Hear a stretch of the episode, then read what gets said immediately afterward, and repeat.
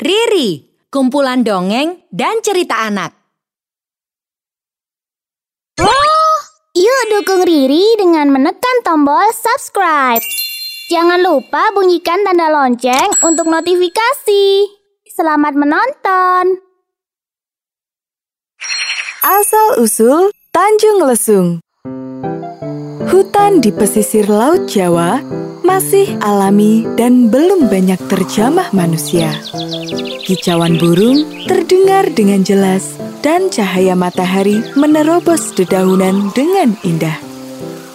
Sayup-sayup terdengar suara derap langkah kuda membelah belantara. Ah, pilihanku mengembara ke hutan pesisir selatan memang tepat. Di sini semuanya masih alami, belum pernah dijamah oleh manusia. Wah, lihatlah air sungai itu, sungguh jernih sekali. Nah, kita istirahat dulu di sini ya. Kalian berdua pasti lelah. Nah, kuda, kamu boleh merumput di pinggir sungai. Dan kamu anjingku, silahkan bermain sepuasmu. Dia adalah Raden Budok, pemuda rupawan yang gemar sekali berpetualang. Dalam setiap perjalanannya, dia akan ditemani oleh kuda dan anjing kesayangannya. Begitu merebahkan badan, Raden Budok langsung terlelap. Dalam tidurnya itu, dia bermimpi melihat seorang gadis yang sangat cantik. Rambutnya yang panjang tergerai indah dan matanya yang jernih menatap dengan lembut. Ah, cantik sekali. Siapa namamu? Bolehkah kita berkenalan? Gadis itu hanya tersenyum simpul seraya mengulurkan tangannya. Gayung bersambut. Raden Budok pun menggapai tangan gadis itu. Namun tiba-tiba Ah! Kayu apa ini? Mengganggu mimpiku saja. Gara-gara kau, aku tidak jadi bertemu dengan gadis impianku.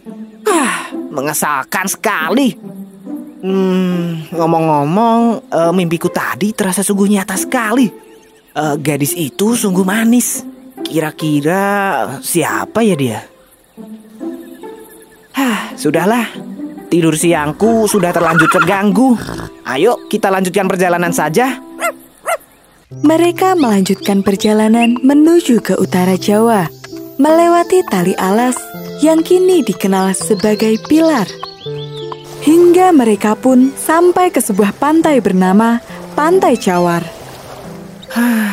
Segar sekali di sini. Air lautnya pun jernih. Sungguh indah.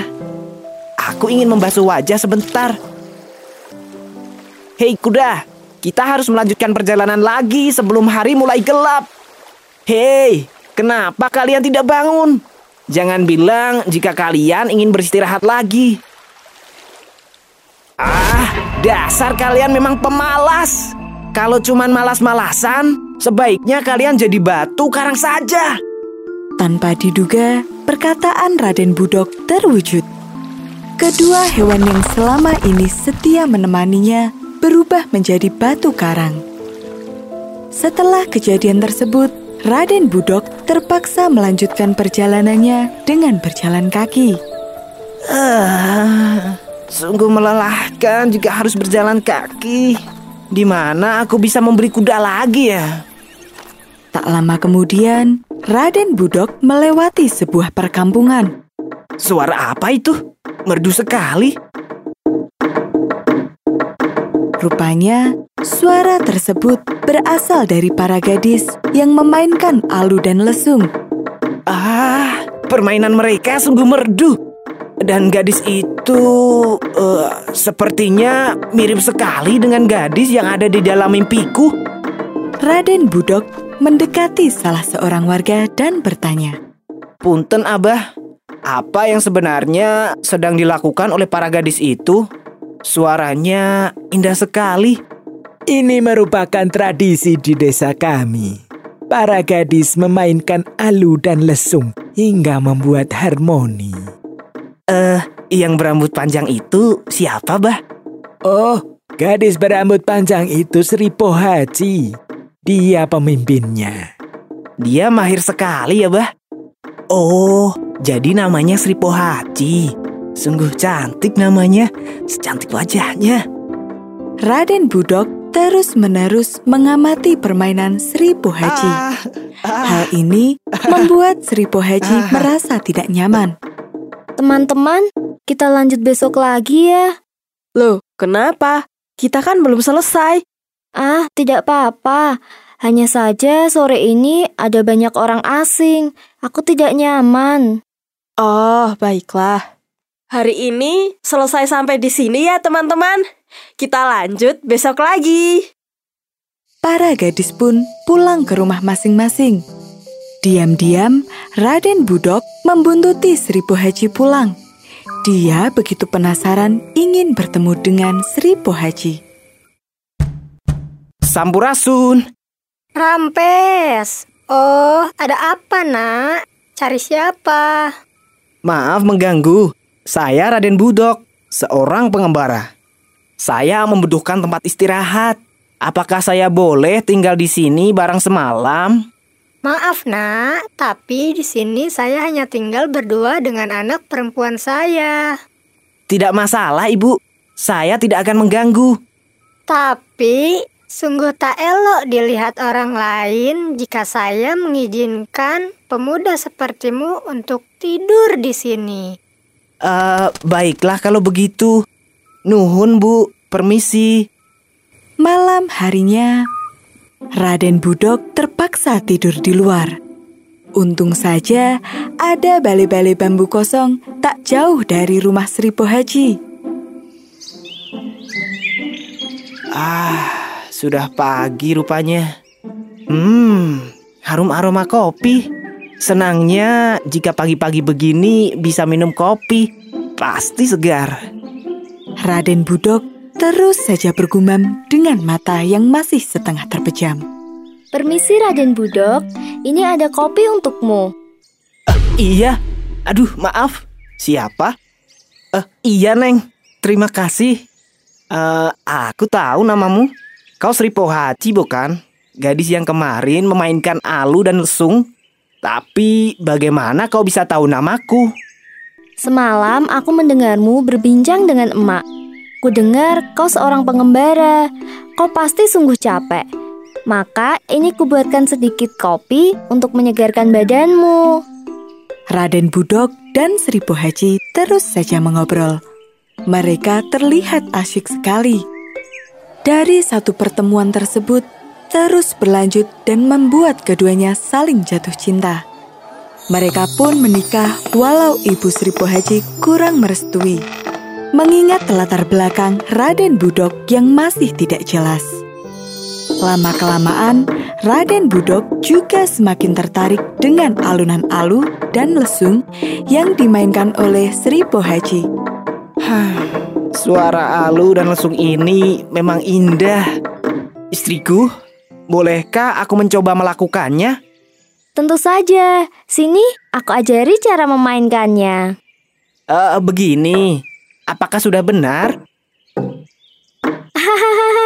Suaranya masih sumbang. Tapi lama-kelamaan, Akang pasti akan mahir. Aku bertaruh. Hanya dalam waktu satu minggu saja, aku pasti akan mahir. Jangan sombong. Permainan ini lebih sulit dari perkiraan Akang. Aku akan berlatih setiap hari. Jika aku berhasil, kau harus memberiku hadiah ya. Baiklah, tapi ingat ya, Akang tidak boleh main lesung di hari Jumat. Itu pamali. Tenang saja. Sebelum hari Jumat, aku pasti sudah mahir. Sejak saat itu, Raden Budok terus berlatih bermain alu dan lesung hingga ia lupa waktu. Setiap hari, dia berlatih dari pagi hingga sore. Dan akhirnya, dia melupakan satu hal yang penting. Di hari Jumat, yang merupakan pantangan memainkan alu dan lesung, Raden Budok masih saja memainkannya. Eh, bukankah hari ini hari Jumat? Siapa yang berani memainkan alu dan lesung di hari ini? Wah, Lutung, Lutung main lesung. Heh, berani sekali memanggil aku Lutung. Ada Lutung. Hush, hush, pergi kau Lutung. Paman, ini aku, Raden Budok. Siapa yang kau panggil Lutung? Ah, Raden Budok berubah jadi Lutung. Hah? Kenapa badanku seperti ini? Aku harus pergi. Aku tidak bisa tinggal di desa ini lagi. Maafkan aku, istriku. Kejadian yang menimpa Raden Budok menjadi bahan kunjingan di desa. Maafkan aku, Ibu. Jika aku tetap di sini, para tetangga akan terus-menerus menghina keluarga kita. Sri Pohaji yang malu atas kejadian tersebut pun memutuskan untuk pergi dari desa. Setelah kejadian tersebut, orang-orang mulai menyebut kampung itu dengan nama Kampung Lesung. Lokasinya yang berada di sebuah tanjung membuat daerah itu kini dikenal sebagai Tanjung Lesung. Pesan dari cerita ini adalah kita hendaknya mematuhi dan menghormati adat istiadat yang berlaku di suatu daerah. Seperti makna peribahasa di mana tanah dipijak, di situ langit dijunjung. Yang berarti di mana pun juga kita berada atau bertempat tinggal, hendaklah kita menuruti adat istiadat dan kebiasaan yang berlaku di daerah itu. Halo teman-teman dan kakak-kakak semua. Pengen bisa bikin komik, game, dan animasi seperti Riri? Ikuti pelatihannya di GameLab aja. Kunjungi website kami di www.gamelab.id slash kelas kreator. Dijamin gampang, siapa aja bisa.